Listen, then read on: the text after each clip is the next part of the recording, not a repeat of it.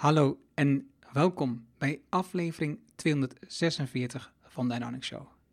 Waar je leert van ondernemers en ondernemende mensen die bijzondere resultaten bereiken. Welke beslissingen ze genomen hebben om hier te komen, wat ze doen, de strategie en hoe ze klanten krijgen. Mijn naam is Enno Hanning en ik deel mijn opgedane kennis, ervaringen en expertise met jou. Ik coach ondernemers die kennis leveren aan bedrijven om betere beslissingen te nemen, zodat ze weer gaan doen wat ze het liefste doen, met meer resultaat en minder hard werken.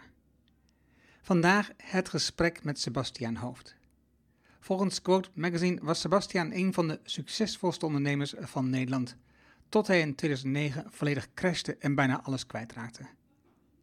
Sebastiaan raapte de brokstuppen op en hij vond zich door te breken met zijn oude gewoontes en hij nam zich voor om nooit meer in dezelfde val te trappen.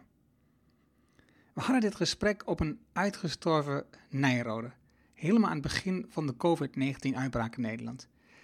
Een wat vreemde situatie. De scholen waren net gesloten en de plek waar Sebastian de Melite regelmatig les geeft over ondernemerschap is Nijrode. Sebastian vertelt mij hierover hoe hij de eerste computers verkoopt op de HBO en dit uitbouwt tot Central Point. Een grote e-commerce speler in de ICT een miljoenenbedrijf.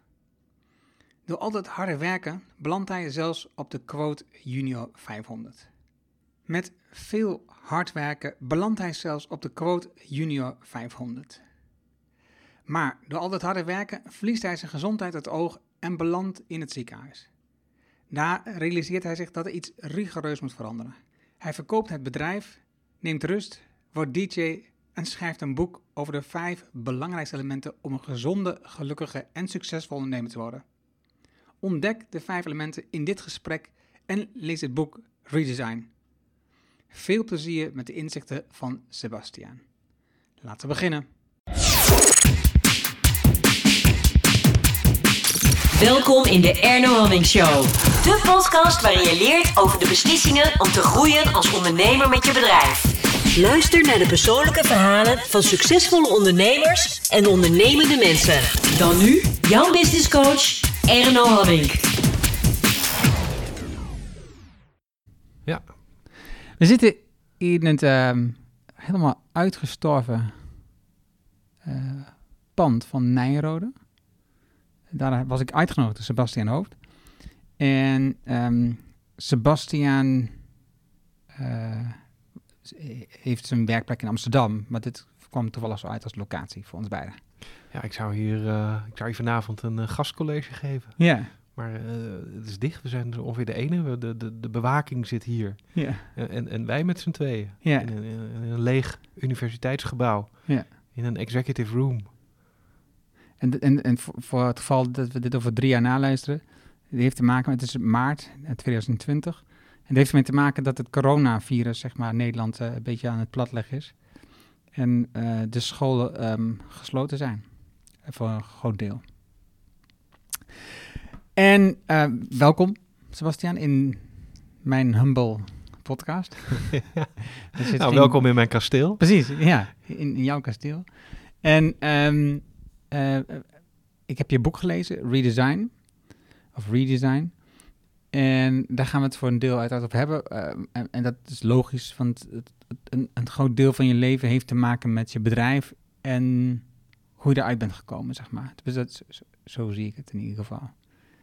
Um, maar waar begon het allemaal? Voor jou? Een ondernemerschap voor mij. Uh, dat ik moet zeggen, dat, uh, dat, dat, kreeg ik pas door toen ik uh, over ondernemerschap ging spreken. Ook hier op Nijrode in, in dat zou zeggen, voor de collegebanken, voor de studenten die hier rondlopen. Is dat ja, ik, ik dacht altijd dat ondernemerschap voor mij begon zo rond mijn 25ste. Hè, toen ik een e-commerce bedrijf begon, wat heel snel groeide. En waar binnen vier jaar waren we, waren we marktleider in de, in de computerverkoop in Nederland. En fast forward uh, 2010. Ik sta hier in de collegebank, uh, voor de collegebank in Nijrode sta ik ja, te vertellen over ondernemerschap. En, en, en, en vroegen de studenten van ja, maar wanneer ben je nu eigenlijk zelf begonnen met, met ondernemen? En eh, in, in een stuk of drie, vier gastcolleges is die leeftijd steeds lager geworden. Want keer dacht ik, van, oh, dat was, dat was nog mijn 25ste. dacht ik, oh nee, op mijn 18e had ik iets. En uiteindelijk zijn we teruggegaan naar mijn, op, naar mijn 13e. Op mijn 13e verkocht ik mixtapes op, uh, op, op het schoolplein. En dus ik had, uh, thuis had ik twee draaitafels en een, uh, en een mengpaneel. En dan ging ik op de fiets, ging ik vanaf Uithoorn, waar ik woonde, fietste ik naar Amsterdam. Dat duurde dan drie kwartier. En dan had ik 100 gulden bij me. Dan kocht ik 10 platen. En dan fietste ik weer hard naar huis. En, en die platen die mixte ik daar dan in elkaar. En dat was toen. Van die harde, harde house. Ik, ik, was zelf nog nooit op een Gabberfeest geweest. Ik ging ook niet naar die, naar die grote hallen waar mensen met uh, pillen in hun uh, systeem de hele nacht stonden te dansen. Nee, ik, ik vond het juist leuk om, om die mixtapes te maken en dan te verkopen op het, op het schoolplein. Maar wat was leuker? De tapes maken of het verkopen? Nou, ik denk A, hè, passie voor muziek. Hè, dat, was, dat is wel de randvaart. Dus ik, ik, deed iets wat ik enorm leuk vond. Nou, dan had ik uh, twee draaitafels en een mengpaneel en ik maakte mixtapes. En uh, die mixtapes waren populair op het schoolplein. Dus het was niet alleen wat ik leuk vond, hè, maar ik deed ook iets waar ik goed in was. En het derde component, hè, wat, wat uh, belangrijk is eigenlijk in de mix van ondernemerschap, ik kon er geld mee verdienen. Ik had een, ik had een businessmodel. Ik had, een, ik had een doelgroep, dat was heel simpel. Dat waren de gabbers op het schoolplein. Ik had een product, nou, dat waren de, waren de mixtapes. En uh, nou, daar, daar verdien ik gewoon een boterham mee. Dus als ik uh, 10 mixtapes had verkocht voor 15 gulden, had ik 150 gulden. Nou, dan kon ik weer terug naar de platenzaak. Kon ik weer uh, 10 platen kopen. En dan kon ik dan uh, mijn fiets mee onderhouden. En, uh, en in, in, de, in de schoolpauzes kon ik croissants kopen. En van die pensée-koeken die we vroeger altijd haalden bij, bij de supermarkt om de hoek. Ja, het waren een soort imitatie gevulde... Oh, ja, kano's heet het geloof ik. Ja, kano's, ja. Ja, ja, ja. we gaan wel helemaal terug naar mijn dertiende. En, en eigenlijk is dat... Uh, muziek is altijd een rode draad geweest in mijn leven. En ook toen ik uh, op latere leeftijd uh, ja, zo weer begon te redesignen, ja, toen kwam muziek weer helemaal terug. En nu, nu, sta ik niet meer op het schoolplein mixtapes te verkopen, maar kun je nu naar Spotify gaan, dan toets je mijn naam Sebastian Hoofd in en dan zie je daar mijn muziek staan. Of je gaat naar Mixcloud en toets je mijn naam in en dan hoor je daar mijn, mijn mixes. Dus het is allemaal online, maar het idee is nog steeds hetzelfde. Dus uh, ik doe iets wat ik leuk vind, ik doe iets waar ik goed in ben en ik kan er geld mee verdienen. En dat is in, in ondernemerschap. Hè. Als, je, mijn boek leest, dan zie je dat ik een canvas heb ontwikkeld. Nou, ik wil straks best vertellen hoe ik, hoe ik dat allemaal heb ontdekt. Maar met heel veel ondernemers, uh, of ondernemende mensen die bijvoorbeeld nu voor een werkgever werken, is altijd van joh, ik, uh, ik wil eigenlijk wel gaan ondernemen, maar ik heb geen goed idee. Ik weet niet wat ik moet doen. Nou, dan gaat het gesprek altijd naar die drie elementen. Waar ben je goed in? Wat vind je leuk? Maar ook kun je een businessmodel vinden om er, om er geld mee te verdienen. En toen je op de HBO zat, toen ben je computers gaan verkopen. Ja. Maar ja. hoe zat dat dan? Want was, was dat, wat, wat was daar dan leuk aan? Nou, ik ben, ik, ben altijd een, uh, een, een, een, een, geek geweest. Ik hou van gadgets. Jij ging net een hele mooie Zoom-opnameapparatuur kwam er uit, jou, uit jouw tas. Hè. Dus uh, voor, voor, we zitten hier in een, in een vierkante ruimte met paarse stoelen en een grote nijrode poster aan de muur en een, en een digibord. Uh, dat digibord heeft mijn aandacht. En maar toen jij je tas opendeed en er kwam een Zoom-opnameapparatuur kwam eruit, ja, dan ben ik gelijk benieuwd van, oh, maar welke software heeft hij dan? Dus ik ben altijd geïnteresseerd geweest in, uh, in gadgets, in dingen, waar, uh, dingen met een stekker. Dus het verkopen van computerapparatuur, ja, dat vond ik gewoon, dat vond ik gewoon leuk. Ik vind het gewoon leuk om iemand iets te verkopen waar een stekker aan zit.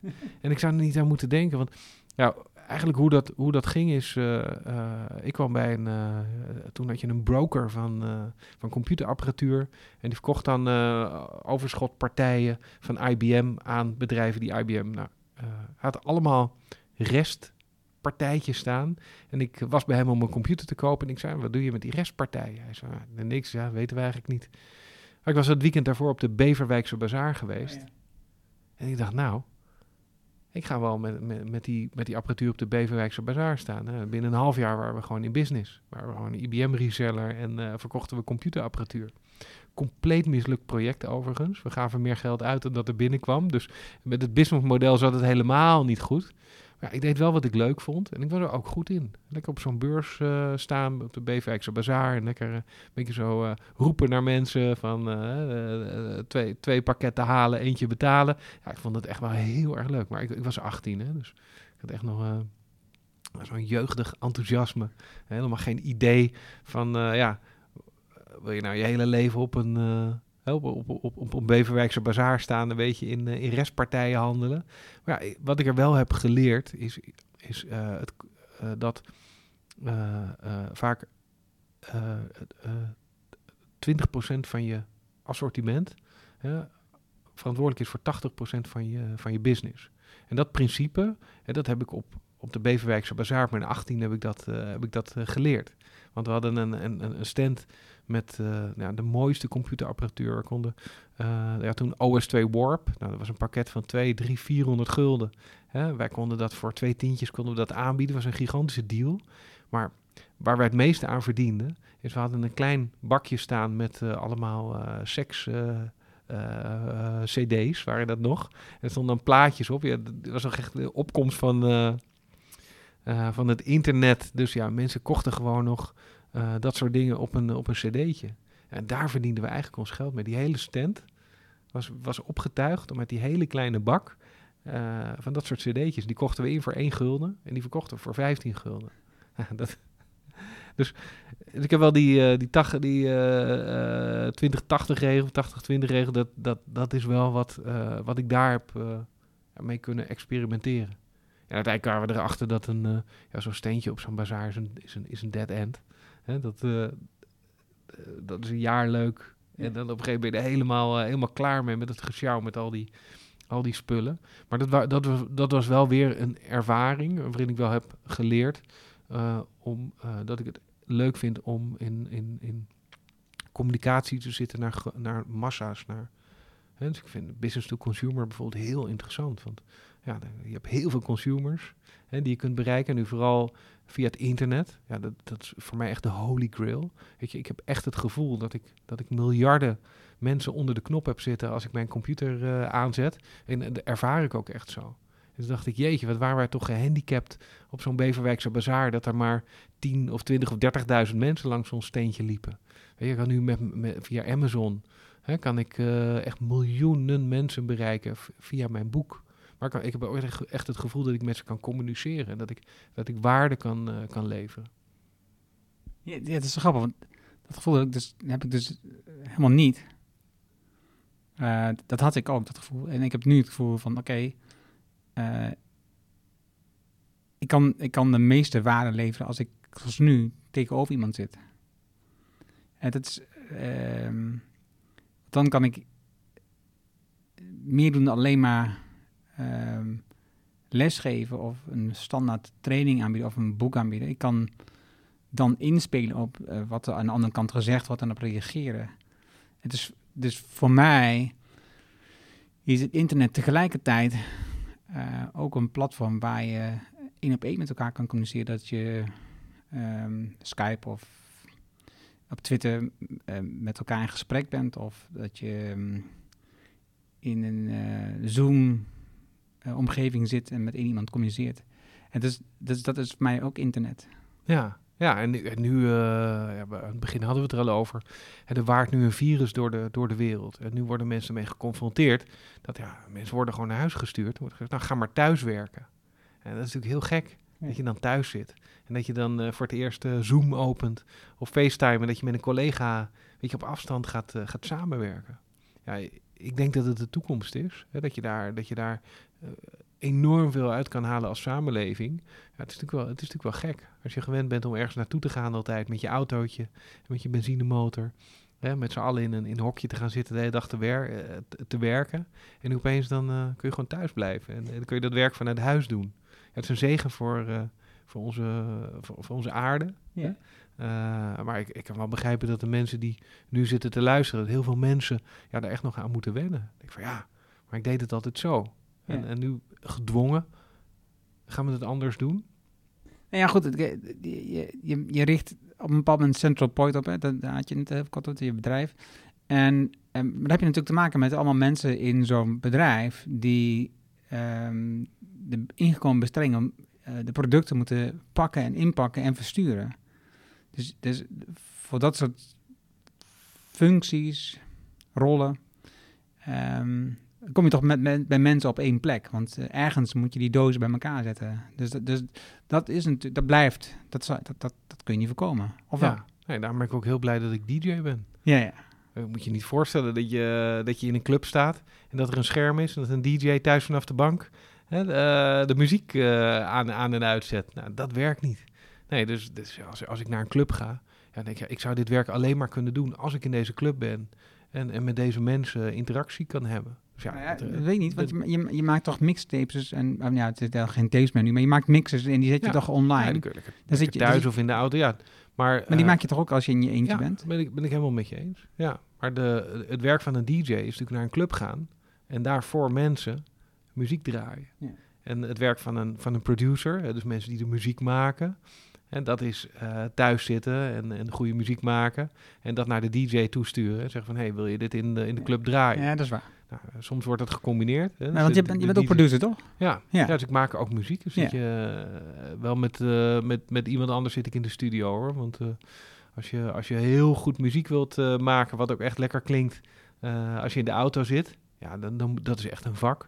Nou, dat vak heb ik nooit, eh, nooit geleerd. Ik kan in de studio gaan zitten en dan zit ik met iemand die dat wel heel goed kan. Dan zeg ik, ik wil het, ik wil het een beetje zus en ik wil het een beetje zo. En laat die twintig geluiden horen en dan zeg ik, ja, ja, dat, weet je, die vijftiende, die vond ik, eh, die vond ik tof. Nou, en uiteindelijk gaan zij echt die muziek afmaken en, en, en, en, en afmixen. En, nou, dan klinkt het ook echt heel erg, eh, heel erg goed. En dan wordt het onder mijn naam en wordt het uitgebracht. Ja. Maar ongeveer eh 90% van het werk wat erin zit, dat is gewoon iemand anders. Nou, mijn maatje heet dan eh, Thomas Onderwater. Nou, die zit gewoon thuis. En, zijn werk is echt muziek maken. Nou, dat doet hij voor eh, tv-commercials, dat doet hij voor, voor eh, eh, DJ's. Nou, dat is echt zijn vak. Ja, grappig zeg. Oké, jij ehm, komt dan de HBO af. En ehm, dan word je... eh, dan begin je bij Gartner in eerste instantie. Hoe kom je bij Gartner? Is dat, is dat eh, rechtstreeks vanuit school? Hoe, is dat zo gekomen? Nou, ik, ik heb aan het, aan het begin van mijn, eh, van mijn ondernemende carrière eigenlijk weinig support gehad. En, eh, toen ik eh, 13 was, stond ik op de schoolplein mixtapes eh, te verkopen. En er was eigenlijk niemand die naar me toe kwam en die zei van... Hé hey Sebastian, goh, eh, weet je wel dat jij eh, je ondernemende vaardigheden hier aan het ontwikkelen bent? Nee, mensen zeiden gewoon van, ja, hij houdt van muziek, hij verkoopt mixtapes. dat mag eigenlijk niet, maar nou, we staan er oogluikend toe. Maar er was geen leraar, geen...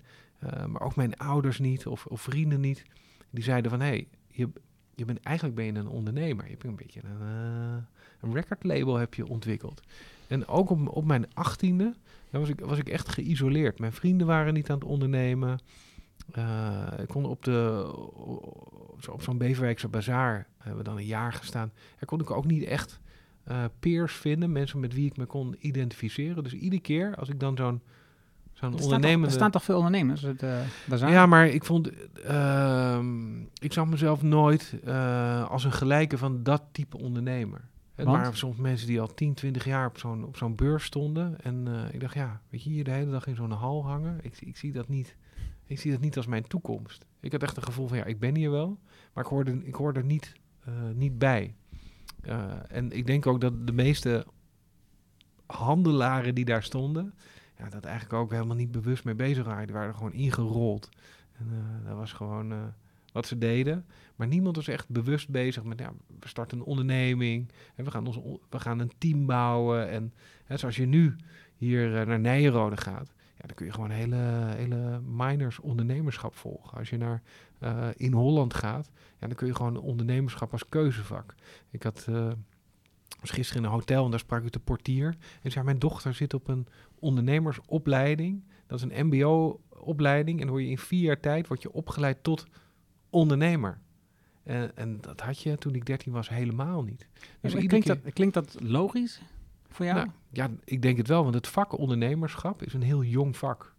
Hè, zelfs het vak management is relatief gezien, als je naar andere hè, vakken kijkt, een relatief jong vak. Maar het, vak management hè, is al veel meer doorontwikkeld dan het, dan het vak ondernemerschap. Alleen als je bijvoorbeeld gaat kijken naar boeken over ondernemerschap boeken over management, ja, dan zijn er al veel meer boeken geschreven over ondernemen. Ik heb, weer de statistieken gezien, maar, maar als je dat met elkaar vergelijkt, dan denk je echt van wow, weet je, dat vak ondernemerschap, dat is, dat is als je het op een tijd leidt, bijna uit het niets echt geëxplodeerd.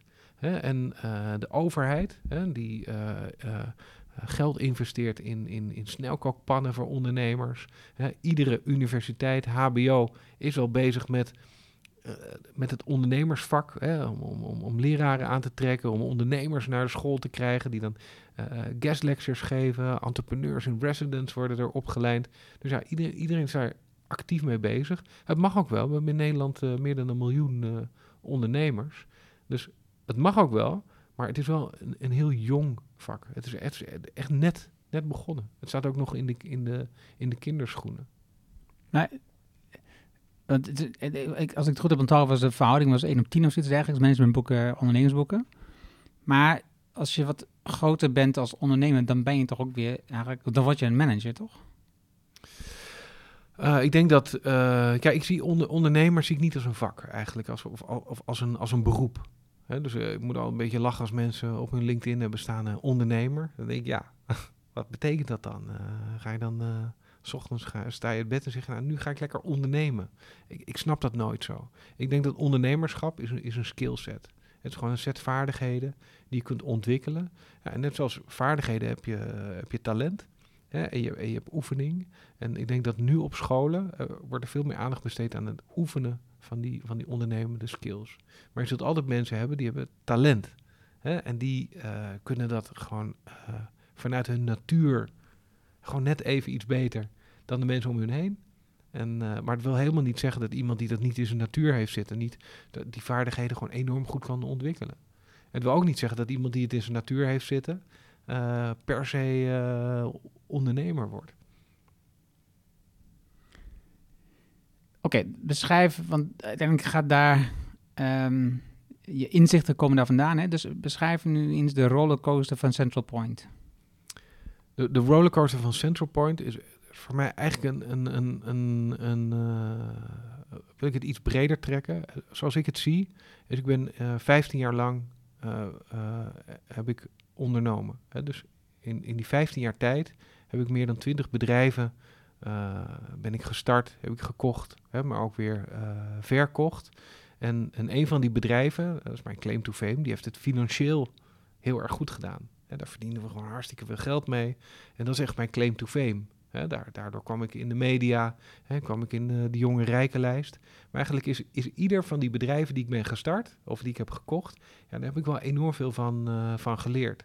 Dus het gaat niet alleen om dat, om dat ene bedrijf, wat het dan toevallig heel erg goed heeft, eh, heeft gedaan. Nee, Het dat gaat om, om dat hele spectrum van. eh, alleen wat er bij mij gebeurd is, is Ja. ik dacht in, in die 15 jaar tijd, en eh, mede ook bevestigd door het succes van dat ene bedrijf, dat ik het allemaal alleen kon doen. Dus ik werd daar ook in bevestigd. We, wonnen eh, vakprijzen. Ik kwam in een rijke lijst terecht en iedereen kwam altijd naar mij toe voor advies. Hoe start je een bedrijf? Hoe laat je een bedrijf groeien? Hoe word je marktleider binnen, binnen vier jaar? En toen ik in 2009 wakker werd in het ziekenhuis met een zenuwinzinking, ja, toen stond ik er ook echt alleen voor. En wat ik, wat ik geleerd heb uit die rollercoaster hè, eh, is, ik had geen, niet de juiste mensen om me heen verzameld. Ik deed het ook echt helemaal alleen. En natuurlijk, ik, had medewerkers, ik had, eh, ik had een compagnon of ik had eh, een accountant. Maar ik, ik gebruikte die mensen niet om mijzelf als ondernemer te ontwikkelen. En ik gebruikte mensen ook niet om een, netwerk, een vangnet om me heen te creëren voor als het minder met mij zou gaan.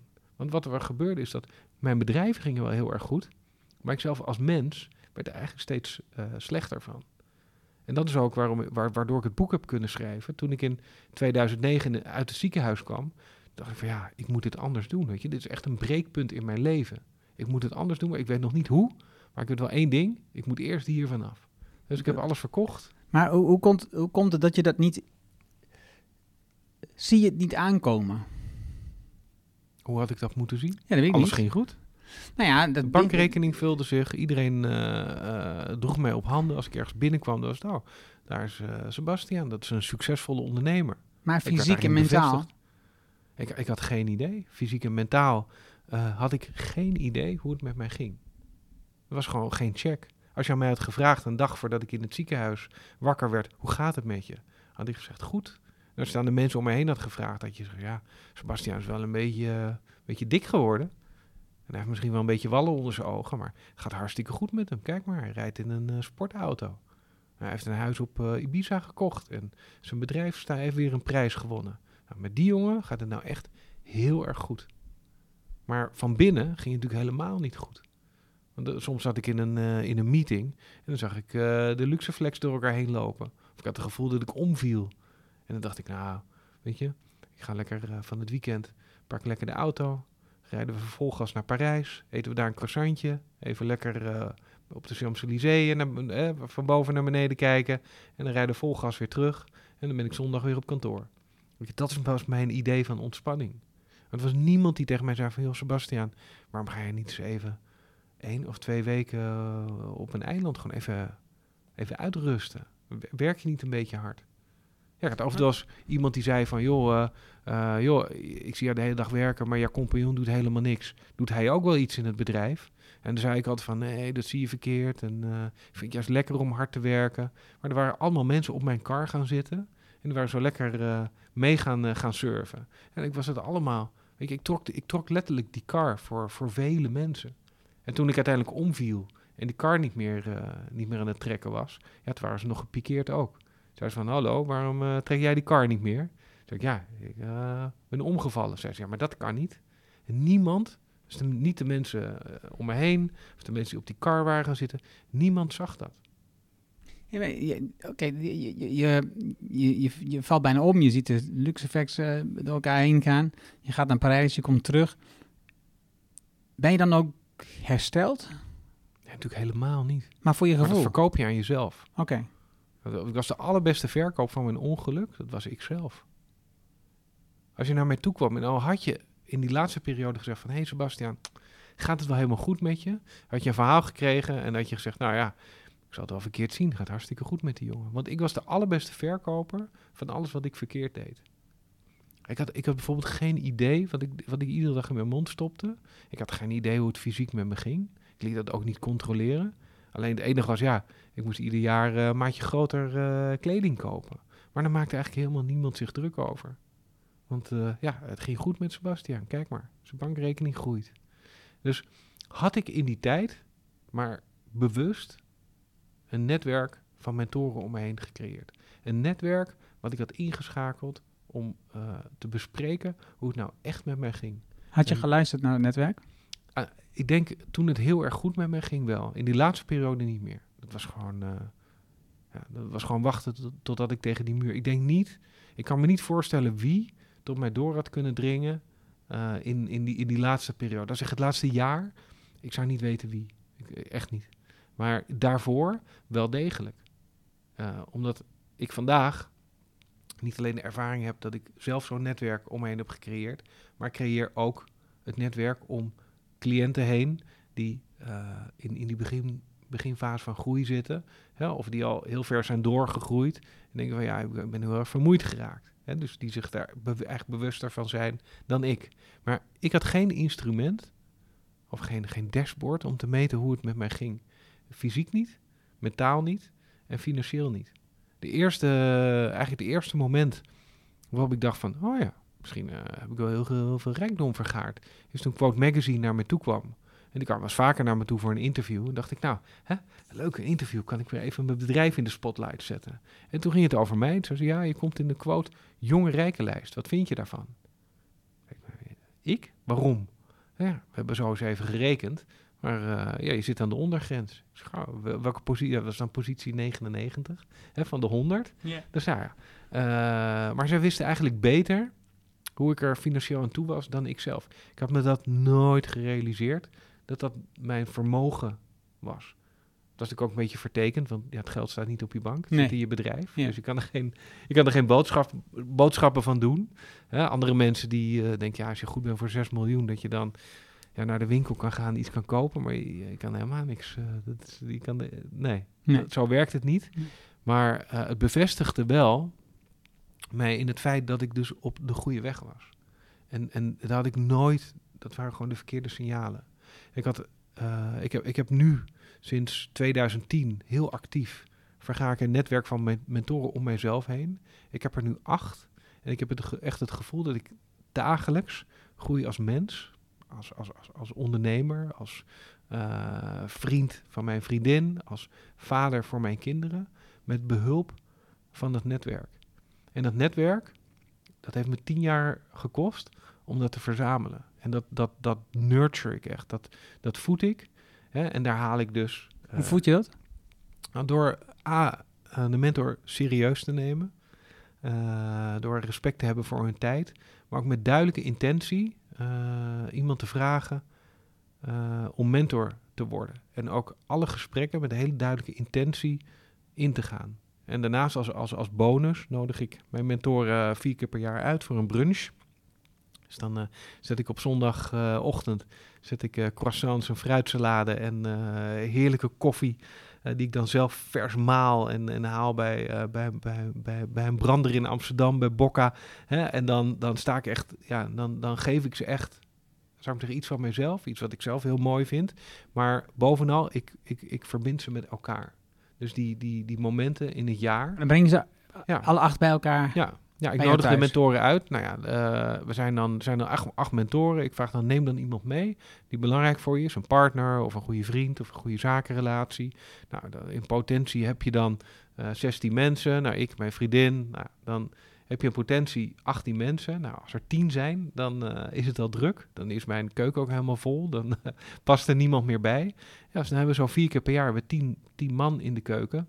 En dat is een beetje een bonus op eh, het mentorschap. Is dat je ook in, in mijn intieme kring zit. Die mensen weten ook best wel goed hoe het met mij gaat. Financieel of mentaal of fysiek. Hè, dus die hebben, ook een hele duidelijke band met mij. En ja, dat zijn hele mooie momenten. We, zeggen altijd van het is van 11 tot 1. En eh, dus om 11 uur zijn ze er ook echt. Eh, maar meestal om 4, 5 uur dan gaan de laatste wel, de laatste wel weg. Oké, eh, nog even terug naar, want je hebt nu dat team ver- verzameld, toen had je het niet. Ehm, dan beland je in het ziekenhuis. Je wordt wakker en je komt tot de conclusie, oké, dit is dit- dit was niet zoals het bedoeld was. Ja. Ho- hoe lang duurt het om daaruit te klimmen uit dat dal? Ja, toen ik wakker werd in het ziekenhuis, en ik kan me nog als de, als de dag van gisteren herinneren, was een, zomerdag eh, in, in, in, in 2009. En ik deed mijn ogen open en ik dacht, ja, de wereld is veranderd, permanent. Er is echt een, een, een, een voor en daarna ontstaan. En, en, ik denk dat iedereen eh, in zijn of haar leven zo'n moment heeft waarop je denkt van, dit is een breekpunt. Er is een ervoor en een erna ontstaan. En ik wist, nou, dit is mijn moment. Hè, er is een voor het ziekenhuis en een na het ziekenhuis. Maar eerst dachten ze in het ziekenhuis van, joh, we hebben een eh, kookverslaafde ondernemer. Hè, die heeft zich helemaal eh, eh, de rambam gewerkt en, en nou, die moet naar een detoxkliniek. Nou, ze krijgen gesprekjes van, goh, ga je er wel eens uit? Nee, ik ga nooit uit. En, drink je dan wel eens wat? Ik zeg, ik drink geen druppel, ook mijn hele leven niet gedaan. Ja, en dan, ja, een zware van mij, die, ja, die neemt dan eens een lijntje en die is ook ondernemer. Doe jij dat dan ook? En ik zou, ik zou niet eens weten hoe het eruit ziet. Het zit helemaal niet in mijn... eh, dus ja, kon dat van tafel. Nou, dan is de hele lijst met persoonlijkheidsstoornissen langsgekomen. Heb je dan eh, borderline of ben je dan eh, bipolair? Of nou, werk je dan door...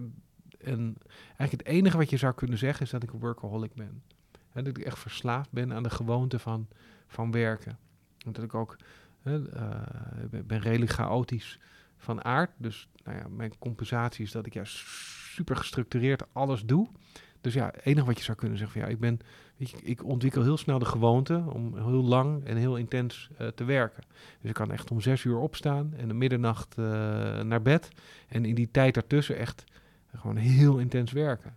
Ja, dat zou je kunnen zeggen, verslaafd aan werken. Nou, nou, ik heb drie maanden in het ziekenhuis verbleven om, om bij te komen. En eh, dat ging echt eh, in, in, met vallen en opstaan. Want ja, ik, ik sliep niet meer goed. Ik at niet meer goed. Ik, eh, ik dronk niet meer structureel. Dus ja, ik moest echt weer een ritme ontwikkelen. Gewoon van normaal slaap, normaal eten, normaal drinken. En, en na drie maanden, nou was het zover, kon ik naar huis. Ja, dan voelde ik me echt een alien. Ik had echt helemaal geen connectie meer met, eh, met de wereld om mij heen. Ik weet nog dat ik eh, eh, mijn auto parkeerde om drie uur 's middags achter ons appartement. En, en, en ik kwam de buurman tegen. Ik zei van, joh, heb je een, heb je, heb je een vrije middag? Toen zei hij, nee, ik kom altijd om drie uur thuis. Ik weet dat ik helemaal puzzeld was. Dat ik naar mijn appartement liep, zo de trap op. En dat ik dacht van, hè? Altijd om drie uur thuis. Ik kon me gewoon niet voorstellen dat het zo was. En dat soort, dus ik heb echt weer moeten revalideren, echt eh, mens worden. Weet je, ik ging, naar, eh, ik ging mijn, eh, mijn dochtertje naar school brengen. En wist ik gewoon niet welke klas. Ik wist dan het adres van de school nog wel. Maar ik kreeg ook gelijk ruzie met de juf. Want ik vond de, school niet heel klantvriendelijk. nou ja, uiteindelijk heeft de juf mij dus op een hele lieve manier uitgelegd. Ja, we zijn er niet voor, voor jou. We zijn er voor je dochter. En eh met, met haar heb ik een gigantisch leuke band ook ontwikkeld. Het, zij heeft me echt geleerd. Ja, zo werkt het op school en zo. Zo kun je als ouder wel gedragen richting de school. Dus ik moest echt leren om gewoon eh, ja, de normale dingen in het leven. Het, het kan trouwens erger. Ik, ik, ik, zou, een van mijn cliënten die eh, had zijn bedrijf verkocht. En nou, we hadden een gesprek. En hij zei: oh, ik, bij mij was een tandje erger. Ik, zat ochtends ging ik in de auto zitten. En toen ging ik mijn kind naar school brengen. En toen wist ik eigenlijk niet waar de school was. Moest ik even vragen: van, joh, hoe rijdt mama altijd naar school toe? Dus het kan erger. Eh, maar dat, dat zijn. eh, als, als ik met potentiële cliënten, sommigen hierover spreek, zou ik zeggen, het is wel, het is wel herkenbaar. Je, Wat, wat, wat, wat, wat, zag je dochter dan? De dochter was het toch, hè? ja, ik heb een zoon en een dochter. Ja. En eh, die heb ik allebei die ondernemende periode meegemaakt. Ja, want wat, wat, wat, wat zagen zij daarna? Nou, ik maakte me aan het begin enorme zorgen. Dat ik, ja, ben ik dan een slechte vader geweest? Heb ik ze dan verwaarloosd? En mijn, allebei de, eh, de moeders van de kinderen, die zeiden van, ja, kijk, eh A, je was er altijd wel. Je zorgde op de goede momenten dat je er was. Maar wij konden wel zien dat fysiek was je er, maar mentaal niet. Dus je was er wel, maar je was er niet. Nou, als ik dat zeg tegen ondernemers, van, goh, eh, eh, krijg je wel eens de opmerking van, oh, je bent er, maar je bent er niet. En dan, dan 9 van de 10 ondernemers zeggen van, ja, dat, dat, dat herken ik. Dat is iets wat ik eh, van mijn vriendin onlangs, of van mijn vrouw onlangs te horen kreeg. Van ja, zou je er gewoon eens kunnen zijn? En er zijn zoveel ondernemers die daarmee kampen. Ik Heb je, heb je er nog last van? ja en nee. Ja, ik zou, ik zou er weer naartoe kunnen gaan. Nee, ik heb een netwerk van acht mentoren die mij mentaal, fysiek en financieel op het rechte spoor houden. Dus al zou ik er al last van krijgen en zou ik het constateren, dan ga ik naar mijn mentoren en dan ga ik er gewoon over praten. Want als ik één ding niet meer wil, dan is het dat. Hm. Weet je, ik wil in het, in het nu zijn. Maar ook mijn, mijn huidige vriendin weet van, goh, als die thuis komt, eh, moet die, heeft hij even een kwartier voor zichzelf nodig. Om even bij te komen. Goh, als die uit een gesprek met een klant komt, of naar een klant toe gaat, dan wil die eerst eigenlijk even een half uur wat, wat tijd voor zichzelf. En dat is, dat is, dat heb ik geleerd door de tijd heen, dat dat bij mij past. Ik wil niet zeggen dat het bij iedereen past, maar het is wel iets om rekening mee te houden. Voor als je in, in, in een groeibedrijf zit of je staat, eh, zeggen, nu eh, onder druk, omdat bijvoorbeeld door een coronavirus opeens je, je hotel in, of je restaurant imperium eh, in elkaar Er kan, kunnen allerlei manieren zijn waarop, je als ondernemer onder druk komt te staan. Ja, en, en daar bewust mee omgaan. Het bespreekbaar maken.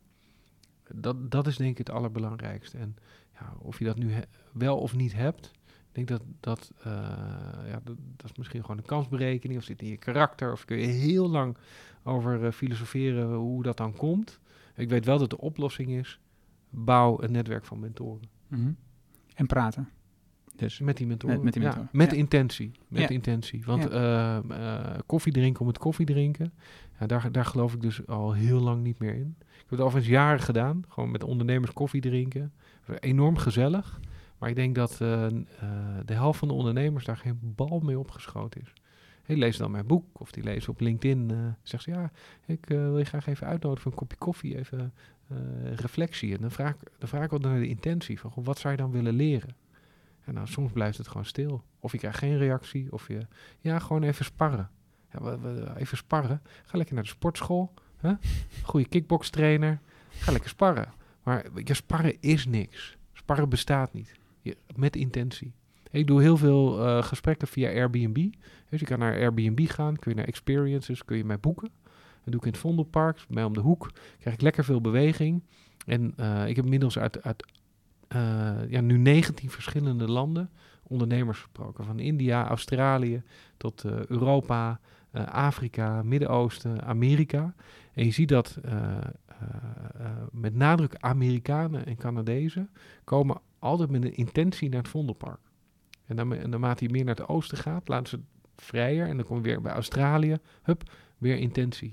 En ik denk dat in die culturen, dat ze gelijk in hebben dat als je met iemand het gesprek aangaat, bedenk dan van tevoren wat je er voor jezelf uit wil halen.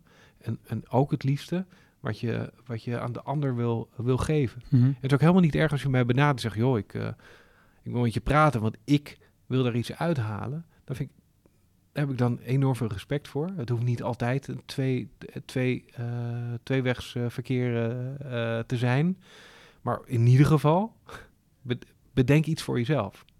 Als je mij dan nog iets komt brengen, fantastisch. Dat is ook mijn verantwoordelijkheid om te kijken van wat wil ik uit een Ja. gesprek eh, halen. Ja. Maar die intentie, dat, eh, dat is wel iets wat ik eh, luisteraars wil, wil, wil, van de podcast wil meegeven. Iedere afspraak, iedere meeting, schrijf gewoon even op, wat is mijn intentie? Wat wil ik hier uithalen? En dan hoe lang moet het duren? En, en, en, en wat heb ik de ander te geven? Ga ik überhaupt wel iets geven? Oké, want dat, eh, even terug, hè, dat Airbnb, die experience, dat, dat intrigeerde mij. Ik zag dat. En ik dacht, oh, hoe werkt het? Dus jij verhuurt jezelf via Airbnb. Ja. Hoezo? dat- hoezo? Ja, ik kom uit de e-commerce. Ik hou van, eh, van, van steentjes op beurs. Ik vind dat gewoon leuk. In de etalage staan. Het is toch... Ja. Dan ga je naar Airbnb, zie je, ja, Sebastian, vijf sterren. Daar ben ik hartstikke trots op. Ja, Maar Airbnb gewoon is, toch, no- is toch gemiddeld genomen voor eh, appartementen, kamers, eh, huizen? Nou ja, de, de strategie van Airbnb, eh, en dat bewijst nu ook wel, eh, kijk, de hele reismarkt stort in, maar de experience-markt ja, dat is een veel interessantere markt dan, eh, dan bedden verhuren. Want dan met bed verhuren kun je een paar procent marge maken als Airbnb, maar op een experience maak je 20 procent eh, marge.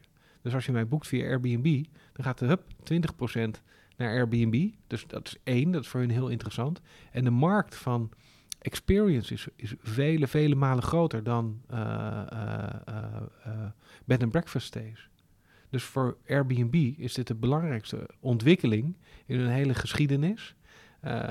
En voor mij is het een manier om eh, heel veel te kunnen toetsen, eh, uit mijn comfortzone gehaald te worden, maar bovenal met andere culturen samen te werken. Ik, heb, ik heb, ben, ben al tien jaar lang ben ik eh, coach en pas in het afgelopen half jaar, nou, de- jaar, ben ik het leuk gaan vinden. Waarom? Eigenlijk door Airbnb.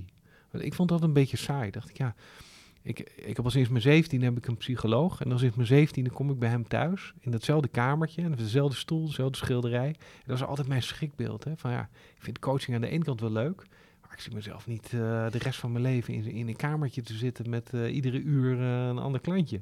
Dus dat wilde ik nooit. Maar als ik het dan deed, vond ik het wel leuk. Maar dat ik er goed in ben, dat is wel de feedback die, ik- die ik krijg van, eh, van mijn klanten. Ik kan er ook hartstikke veel geld mee verdienen. Dus nou ja, hè, die drie voorwaarden, die kan ik zo afvinken. ja, ja, Alleen waardoor ik het niet leuk zou vinden, is door de sleur.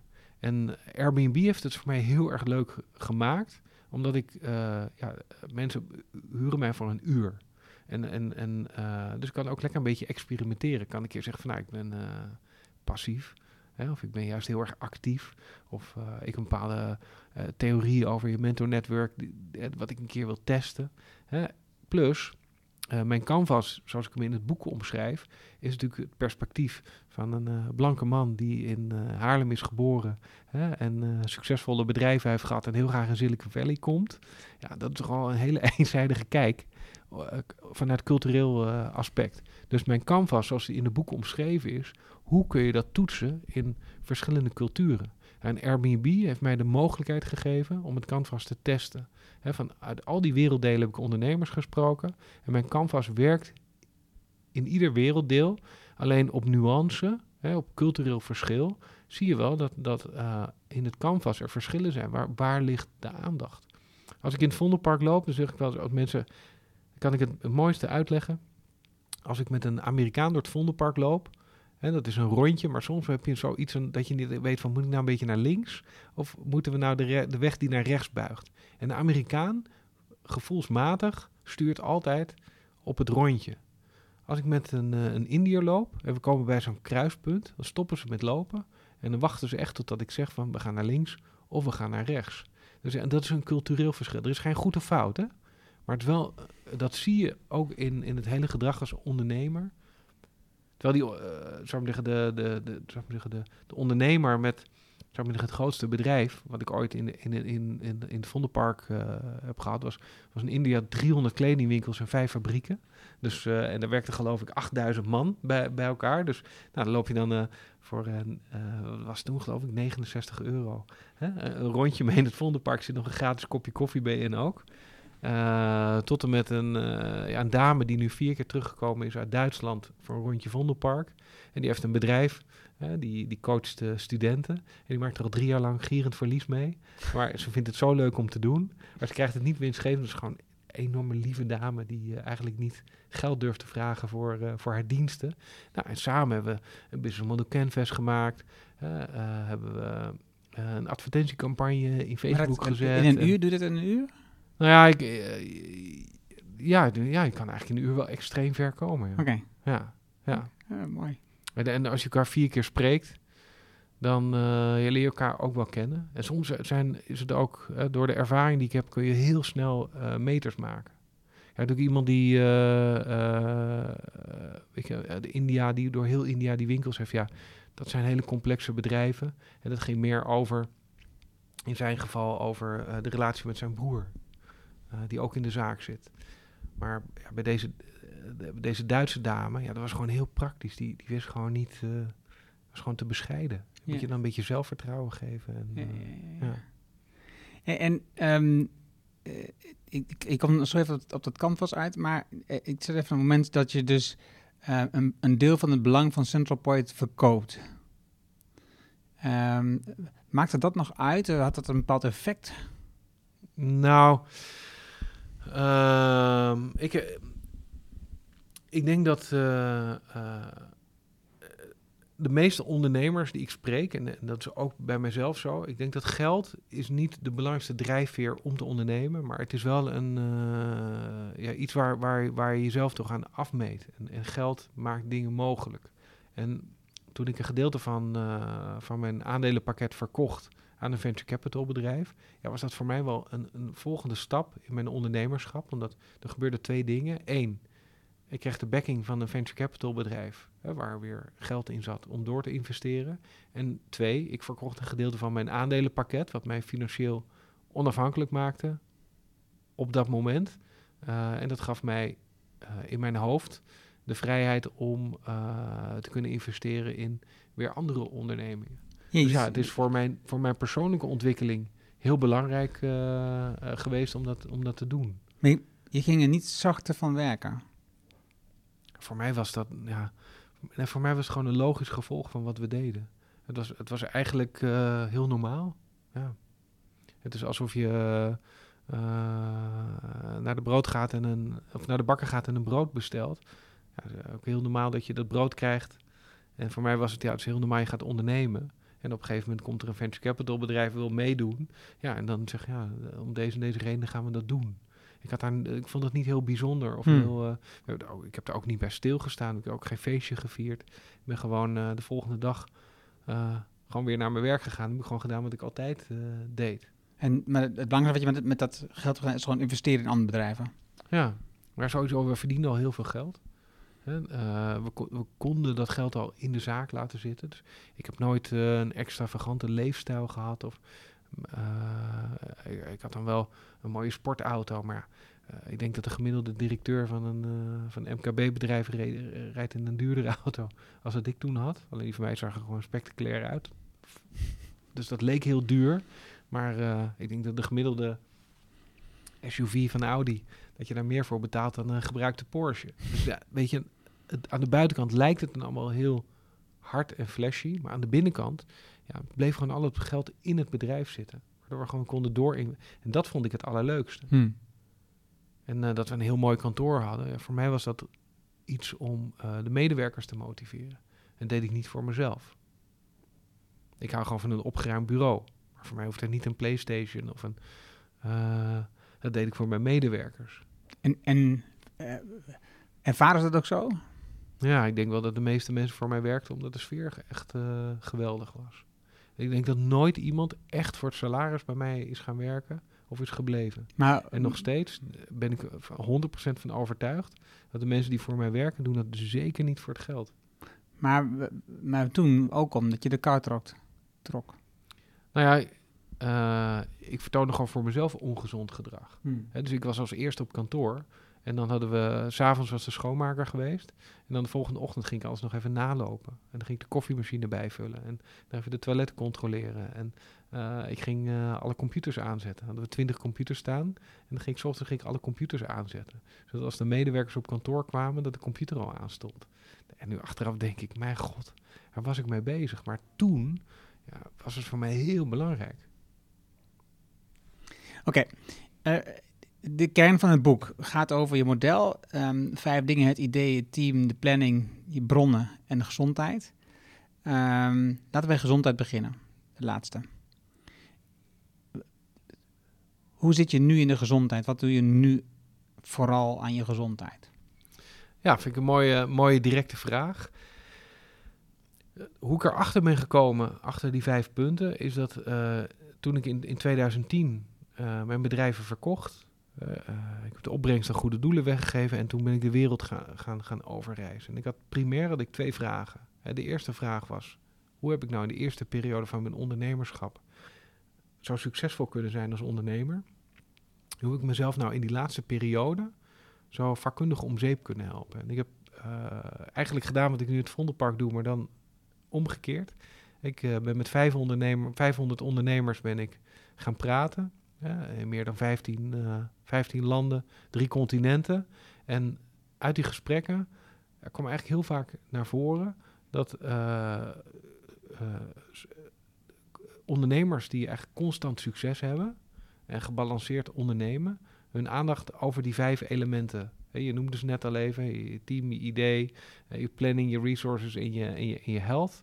En de health, eh, dat is mijn Achilleshiel. Dat is waar ik het echt enorm eh, verkeerd heb gedaan. En dat is nu ook waar ik enorm goed mee kan scoren. Omdat ja, ik weet als geen ander waar de pijn zit als je dat niet, eh, dat niet goed doet. En iedere dag moet ik mezelf bewust van zijn, is dat ik eh, gezond moet eten, goed mijn slaap moet krijgen, moet bewegen en in mijn Bunk-app mijn financiën gewoon goed moet afvinken. En dat is voor mij iedere dag nog steeds een struggle. Omdat als ik niet oppas, dan gaat al mijn aandacht naar die andere vier elementen. Oké, even, even drie dingen. Een Bunk app, dat is een app eh, waarin je je bank is aangeregeld, hè, voor duidelijkheid. Ehm, Ja, ik ben gewoon fan van Bunk. Het is eh, prima, Ja. dat is ook niet erg, maar ik, Dus, bedoel- ik wil, eh, eh, voor mensen die het niet weten, is het handig om wel te horen. Ehm, eh, en je begon het verhaal, je hebt die aandelen verkocht en heb je dat weggegeven aan een goed doel. Ja, dat ving je nog snel op. Ja. Nee, ik, ik, voor mij, eh, toen ik, eh, ik, ik... Ik wilde gewoon van dat bedrijf af. Ik wilde, eh, ik wilde gewoon weg. En voor mij de allersnelste manier was in mijn hoofd afscheid te nemen van de hele waarde. En ja, dat, dat was natuurlijk ook heel makkelijk om dan heel snel die aandelen te verkopen, geld weg te geven en klaar. Ik hoefde het ook niet meer. Ik, had ik wilde er gewoon afstand van nemen. Dus heel therapeutisch. Ik zou het achteraf anders hebben gedaan. Maar toen was het heel therapeutisch voor mij. Ik was echt gewoon klaar. Ik was echt klaar mee. Dan bekijk het maar. Ik begin lekker opnieuw. Schone lei. Dan ga ik gewoon doen wat voor mij goed is. En niet wat voor andere mensen goed is. Of wat voor de buitenwereld eh, er mooi uitziet. Dus eh, heel therapeutisch. Eh, als iemand nu overweegt om dat te doen, bel mij eerst even. Gaan we rondje het Vondelpark lopen. Wacht nog even. Ik heb er geen spijt van. Hmm. Eh, is heel goed uitgepakt. Enorm veel van geleerd. Eh, maar het was, het was echt een, eh, ja, een tegenreactie. Ik dacht ook, dat stomme gejaagd naar geld. Ik zat ook in, in, in, in, een, in zakelijk in een netwerk met mensen die alleen maar naar geld keken. Ik, ja, Wat zou je nu anders hebben gedaan? Hoe zou je het nu anders hebben gedaan? hoe, hoe ik het anders gedaan? Nou ja, als ik het helemaal terug kon draaien, natuurlijk mezelf in balans gehouden. Nee, maar maar met dat het- punt waren we al voorbij. Precies. Dus ja, toen had ik eh, een fonds moeten oprichten en dat geld gewoon in een fonds stoppen en dat laten beheren door andere mensen.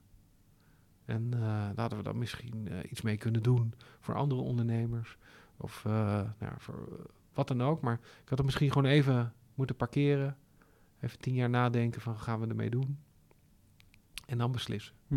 Maar ja, aan de andere kant, eh, ja, eh, het is weg. Ik, ik ben daar Nee, joh, nee, dat- snap ik ook. Dus ja, dus, dus ik, Ja. ik, ik, ik, ik stel ook nooit de vraag of je spijt hebt, want daar geloof ik niet zo in. Hm. Want dat heeft, dat heeft niet zoveel waarde als je spijt hebt. Nu, even terug naar dat ehm, stuk gezondheid. Hè? En, en dus je hebt een aantal dingen die je daarin eh, noemt. eh, voeding, beweging, slaap ehm, en dan dus gebruik ik financieel inzicht. En daar gebruik je ook, zoals je in een boek beschrijft, dashboards voor. Ja. En dus je, zoekt een gezonde levensstijl, maar tegelijkertijd zoek je daar ook ehm, controle of iets dergelijks Ja, in. als je het niet kan meten, dan eh, kun je het ook niet controleren. Dus je moet dingen ge- inzichtelijk proberen te maken. Dat moet. En eh, ja, ik denk wel dat, dat je dat aan jezelf verplicht bent. Kijk, je moet natuurlijk helemaal niks. Ja, dat, ja, nou ja, dat is, dat is een Eh, goede maar vraag. als je, eh, ik denk wel dat, dat dat iets is, een gewoonte die, eh, die je wel zou, zou moeten ontwikkelen. Ja, dat, denk ik wel. Ja. En meditatie, dat zit daar niet in. Nou, ah, meditatie zou dan onder mentale gezondheid. eh, meditatie wer- werkt voor mij tot op heden eh, echt alleen maar averechts. Ik vind het helemaal niet fijn. Word er, word er onrustig van.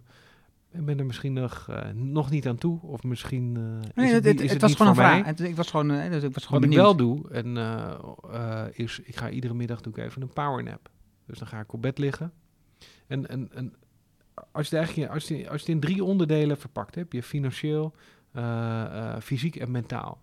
Dan is financiële gezondheid is super makkelijk te meten. Je hoeft het alleen maar te doen.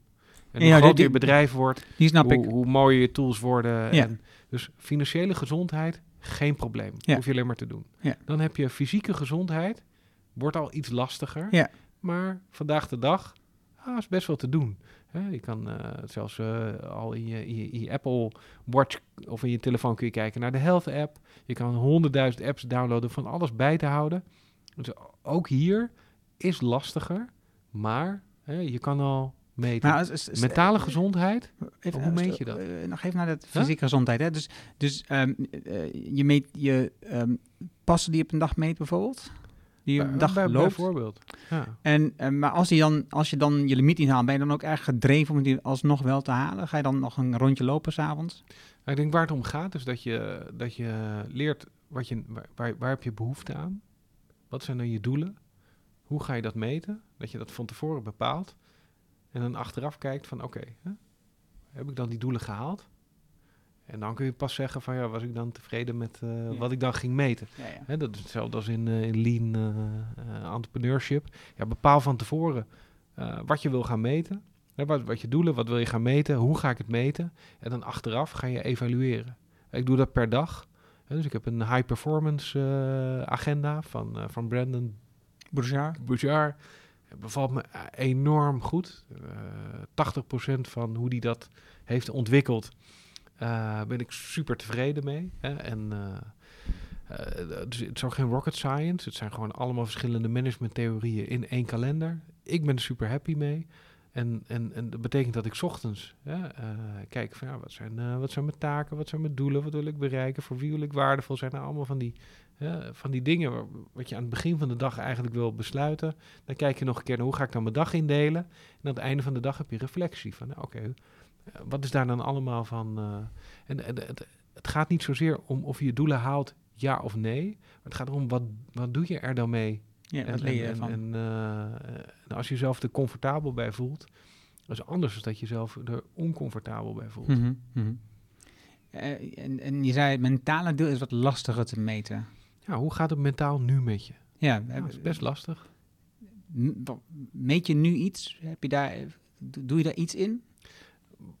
wat we hebben ontwikkeld is eigenlijk is de omgekeerde wereld. We zetten red flags. Dus we meten niet hoe het gaat, maar we meten waar je fout gaat. En voor iedereen zijn die red flags anders. Ik kan, ik kan een voorbeeld geven. Een red flag voor mij is... Ik doe iedere middag een powernap tussen 12 en 2. Ik ga liggen, doe mijn ogen dicht. Een kwartier later word ik wakker. Als het langer duurt dan een kwartier, noteer ik dat. Een red Hmm. flag. Hm. Duurt het 20 minuten, een uur. Als ik drie keer achter elkaar een red flag heb, dan weet ik, oh, er is iets mis. Weet je, mijn powernap duurt best wel lang. Wat is dat dan toch? Eh, heb ik misschien eh, drie DJ-gigs achter elkaar gehad tot middernacht? Ehm, heb ik stress? Eh, is er een klant die overmatig aandacht vraagt? Dus dan ga ik kijken van, hoe kan het nou dat, dat mijn powernap eh, langer, langer duurt? Ja. Dus dat is een red flag. Ja. Een andere red flag is, ik, ik word natuurlijk wakker, dus ik zet geen, geen wekker. Eh, als ik later dan acht uur 's ochtends wakker word, is een red flag. Wat is er aan de hand? Ga ik te laat naar bed? Zit ik weer eh, op YouTube allerlei inspiratievideo's te kijken tot diep in de nacht. Wat ik eigenlijk heel erg leuk vind, maar gewoon niet moet doen. Ja. En dan weet je ook van, oké, en, en dan kan je met je omgeving gaan praten. Dan ga ik met mijn vriendin zitten of ik ga met een mentor zitten. Zeg, luister, je, op een of andere manier ben ik gewoon weer een soort van habit aan het ontwikkelen om eh, hè, YouTube te kijken. Hoe wat zullen we dat nou doen? En wat, doe, wat doe je dan? Ik ga eerst naar mijn vriendin, in dit geval eerst naar mijn vriendin. Zeg van, joh, eh, En hoe helpt ze je dan? nou, eh, bij mij bijvoorbeeld werkt belonen beter dan straffen. Ja. Dus als je tegen mij zegt, je mag dat niet doen, dan gaat er iets in mij, dat werkt als een eh, rode lap op een stier. Dan ga ik aantonen dat, eh, dat het wel moet gebeuren. Maar als je mij, als je mij beloont, ja, dan ga ik echt heel goed op. Ik ben echt zo'n Labrador retriever die er maar door blijft lopen. En zoals je tegen mij zegt, één keer van, oh, wat goed dat je vroeg naar bed gaat. Dan ben ik de volgende dag, oh, dat- ik krijg een complimentje. Weet je, ik wil dat, ik wil dat weer. Dus, dus die bewustwording, waar, waar ik, nou, mijn vriendin weet dat. Ja, En er gaat ook wel eens de fout in. Maar, eh, Nee, maar ik, ik vind het goed dat je het zegt. Want ik, ik, eh, dus ik heb het aan mijn vrouw eh, gevraagd van... God, ehm, eh, eigenlijk eet ik regelmatig net iets te veel chips. En dan word ik s'nachts wakker. Nou, dat is een red flag voor mij. mhm. En, ehm, en ik, ik baal daarvan dat ik dus dat niet tijdig signaleer. Het is elke keer dat het te laat is. Hè? Dus eh, s'nachts wakker is te laat, want ik had moeten, ik had moeten stoppen Ja. met dat ik chips aan het eten. Nou is natuurlijk die voedingsindustrie, die maakt die chips gewoon heel erg smerig. Cravability factor. Ja, dat is gewoon echt, hoog. gewoon Ja. echt verschrikkelijk hoe ze dat doen. Zoet, zout. Precies. Ja. En, ehm, eh, maar zij, zij zegt dan, je moet niet meer chips eten, want je weet dat je er last van krijgt. En dat is, dat is, Ja. dat, kla- klaarblijkelijk helpt me dat. ja, ja, het helpt me helemaal niet. Ja, we kunnen nu een Ik live eet gewoon door. eh, gesprek. nee. Kijk, over, dus- over, dus ik leer van je. heeft, heeft met eh, habits te maken. Ja. En, eh, Ja, daar, het- daar geloof ik enorm in. het, het afleren van een slechte habit, dus, dus geen chips eten, is eigenlijk de slechtste strategie Ja. die je kan bedenken. Ja. Wat je beter kan doen, is zeggen, oké, wat zijn nou de triggers? eh, dat ik trek, voor mij is, is, is, is het, is het, eh, het Netflix-logo, eh, staat equals for me chips. Ik, heb exact wat jij hebt. Ja, ja, ja. Als, als de Netflix-film begint, wil ik chips. ja, ja, In mijn ja. hersenen is dat aan elkaar gekoppeld. Dat zal nooit... Een... Ik heb al tien jaar lang eet ik niet bij McDonald's. Ik word misselijk van de geur. Als ik het logo zie, is gewoon een feestje in mijn hoofd. Het veranderen van een, van een, van een habit, eh, of het aanleren van een habit, duurt ongeveer een maand. Hè? De psychologie, iets- duurt iets 28 langer. dagen, Nu is langer. een maand. La- laat het eh, twee keer zo lang zijn, twee maanden. Ja, precies. Eh, het, het, het, het veranderen van een slechte habit is heel moeilijk. Maar het Ja. aanleren van een goede habit is eigenlijk veel makkelijker. Dus het aanleren van goede habits en het wegnemen van de triggers van... eh, Drempels eh, verhogen. van de, dus bij wijze van spreken kan beter jouw vrouw of vriendin... even de eerste 30 seconden van de Netflix-serie kijken. Totdat het Netflix-logo weg is en zeggen: Kom maar, we gaan kijken. Ik, ik zal een voorbeeld geven. Ik ben een structurele overeater. Ik ben echt het, ik ben slachtoffer geworden van al die psy- gedragspsychologen die eh, mij al dat smaakpalet in mijn hoofd hebben veranderd. Dat gaat nooit meer wijzigen. Dat, één keer veranderd, permanent verslaafd aan, eh, aan die bende. Dus eh, ik, ik woon in, in, in Amsterdam. Ik train bij een sportschool in Amstelveen. Als ik getraind heb, van 12 tot 1, dan heb ik gewoon berentrek. Dan zijn er twee routes naar huis. Eén route, dat is, dat is, dat is gewoon heel lastig. Dan kom ik langs zes plekken waar de allerlekkerste broodjes, snacks en alles hebben. Zelfs de laatste is in de buurt van mijn huis. Nee, niet. Dan kan je de lekkerste pita broodjes met geweldige vulling krijgen. En als ik die route neem, moet ik dus zes keer nee zeggen. Nou, dan kan je zelf trainen, binnen vijf seconden nee zeggen, bla bla bla. Maar ik kan ook gewoon via het Amsterdamse bos fietsen. Daar is helemaal niks te krijgen wat ik lekker vind. Uh, is vijf minuten om, is nog goed voor mijn gezondheid ook. Dus ik, ik, ik haal gewoon die triggers weg. Ja. Fiets via het Amsterdamse ik, bos. Ik ben het heel mee eens. in ondernemerschap werken we dus ook met ondernemers om te kijken naar wat gebeurt er voordat je het, het negatieve gedrag uh, vertoont. We hebben een, een uh, ik coach iemand die is gewoon explosief. En binnen zijn, binnen zijn bedrijf komt hem dat nog wel eens duur te staan, omdat hij dan richting zijn medewerkers ook explosief is. Ja, en dat wil hij eigenlijk vermijden, want het, het, het, zorgt voor een negatieve sfeer op kantoor. We gaan dan kijken, wat zijn nou de, de triggers die ervoor zorgen dat je, dat je explodeert? En hoe kunnen we die triggers wegnemen, maar ook hoe kunnen we een route maken, zodat jij niet explodeert? Nou, en als je dan de dag gaat analyseren, dan uh, kom je erachter dat het voor hem heel makkelijk op te vangen is. En hij heeft nog nooit, nooit meer een explosie gehad bij zijn medewerkers. Hij heeft nog wel diezelfde gevoelens en dezelfde frustratie, maar we hebben het op een andere manier ingevuld in, uh, in, zijn, in zijn dag. Mooi, mooi. Oké, okay, uh, um, we, gaan richting het einde. We gaan niet alle elementen van het boek um, behandelen. En dat is ook heel goed, want dan moet je het boek gewoon kopen en lezen. Um, gewoon op Amazon kopen. Ja, precies. Bol.com. Het team. Nee, daar, heb je het al over gehad. Nee, dat doen we niet. Het idee. Dat is, dat is waar het mee begint. Nee. Oké. Daar begint het canvas mee.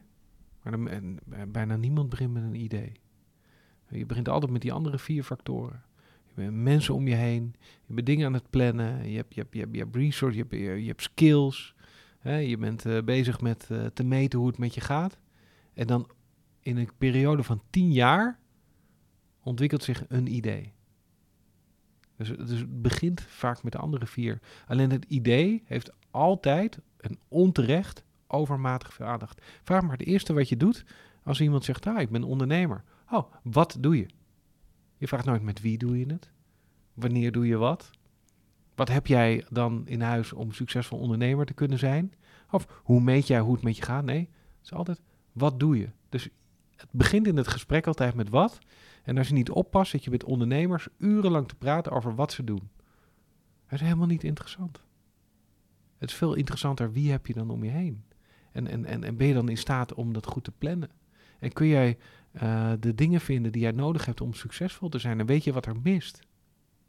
Ben je daar bewust van? En hoe meet je dat dan allemaal? Dat is toch veel interessanter? En dan, en dan wat je doet. Je kan maar ieder, ieder, ieder idee geven, ieder product, iedere dienst. En ik kan het bedrijf laten groeien. Ik kan er een succes van maken. Misschien vind ik het niet altijd leuk, ben ik er niet altijd goed in. Maar omdat ik heel goed ben in die andere vier elementen, is eigenlijk dit idee voor mij irrelevant. En ook in mijn coaching is niet oppas. Dan gaan de ondernemers urenlang praten over wat ze doen. Want ja, dat is waar iedereen het altijd over heeft. En dat is ook hun vakgebied. Dat is waar ze vaak passie voor, uh, voor hebben. Maar ik vind het meest oninteressante onderwerp op het gebied van ondernemerschap. Ik parkeer het liever. Zeg ik, oké, nou, dus, je, dus je doet dit of je verkoopt dat. Oké, klaar. Nu gaan we het dus even over de belangrijke dingen hebben. En je ziet ook vaak dat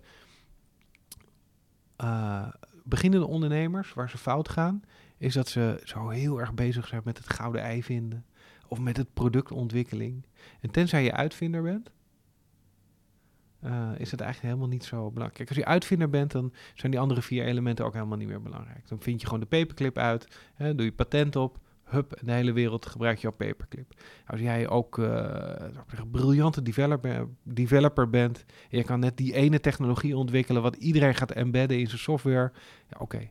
Als je dat kan, dan, uh, dan ben. Maar de meeste mensen moeten gewoon heel goed zijn in die andere vier dingen. Ja, en, en iets leuks qua idee erbij, uh, erbij kiezen. Het is een mooie om af te sluiten. dat is totaal anders dan, uh, dan de meeste mensen verwachten. Dan ik ook had verwacht, dus dat is mooi om af te sluiten. Ja. Ehm, nog, één, nog één vraag dan.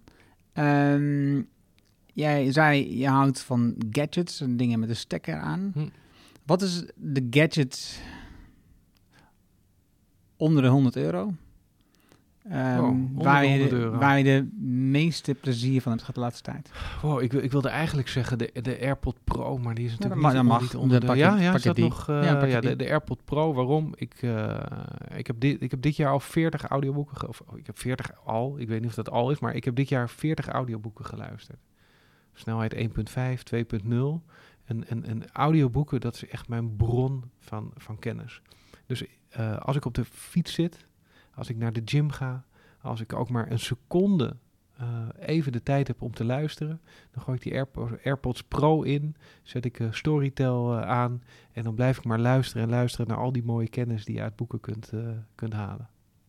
Podcasts zijn een aanvulling voor mij, het, actualiteit. Ik heb een aantal podcasts die, die ik wekelijks, wekelijks volg. Eh, ik neem aan dat jij straks reclame kan maken voor de beste.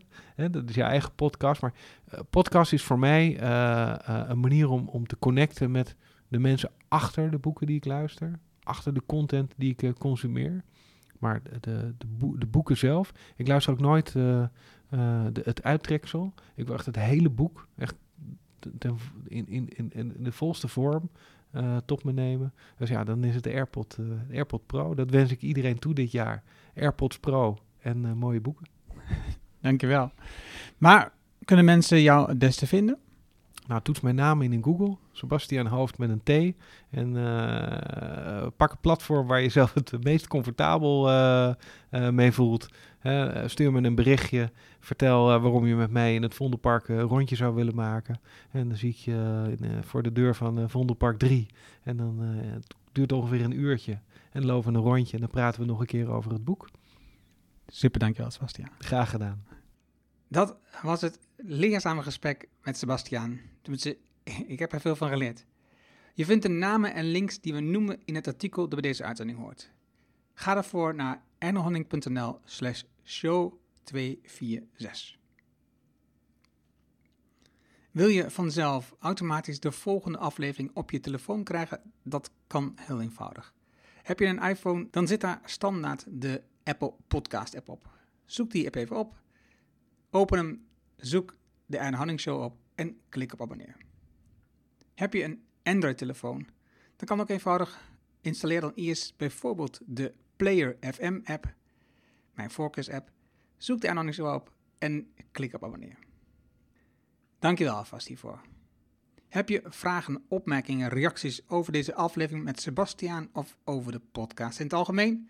Stuur dan een e-mail naar podcast.ernohanning.nl dan weet ik dat het van de podcast is. Ik hoor super graag van jou.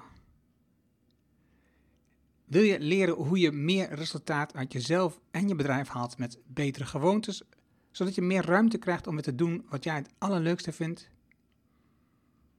Wil je weten hoe je focus krijgt op het allerbelangrijkste wat je te doen hebt, zodat je weer gaat ondernemen? Vraag dan het gratis boek Betere Beslissingen met betere gewoontes aan op ernohanning.nl.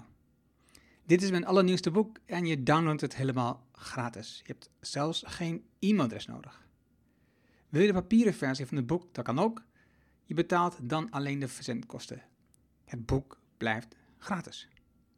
Vraag het daarom nu aan op ernohanning.nl. En ik weet, je bent druk. Je leest het in één avond uit. Dankjewel voor het luisteren en graag tot de volgende. Dankjewel voor het luisteren naar de Erno Hanning Show op ernohanning.nl.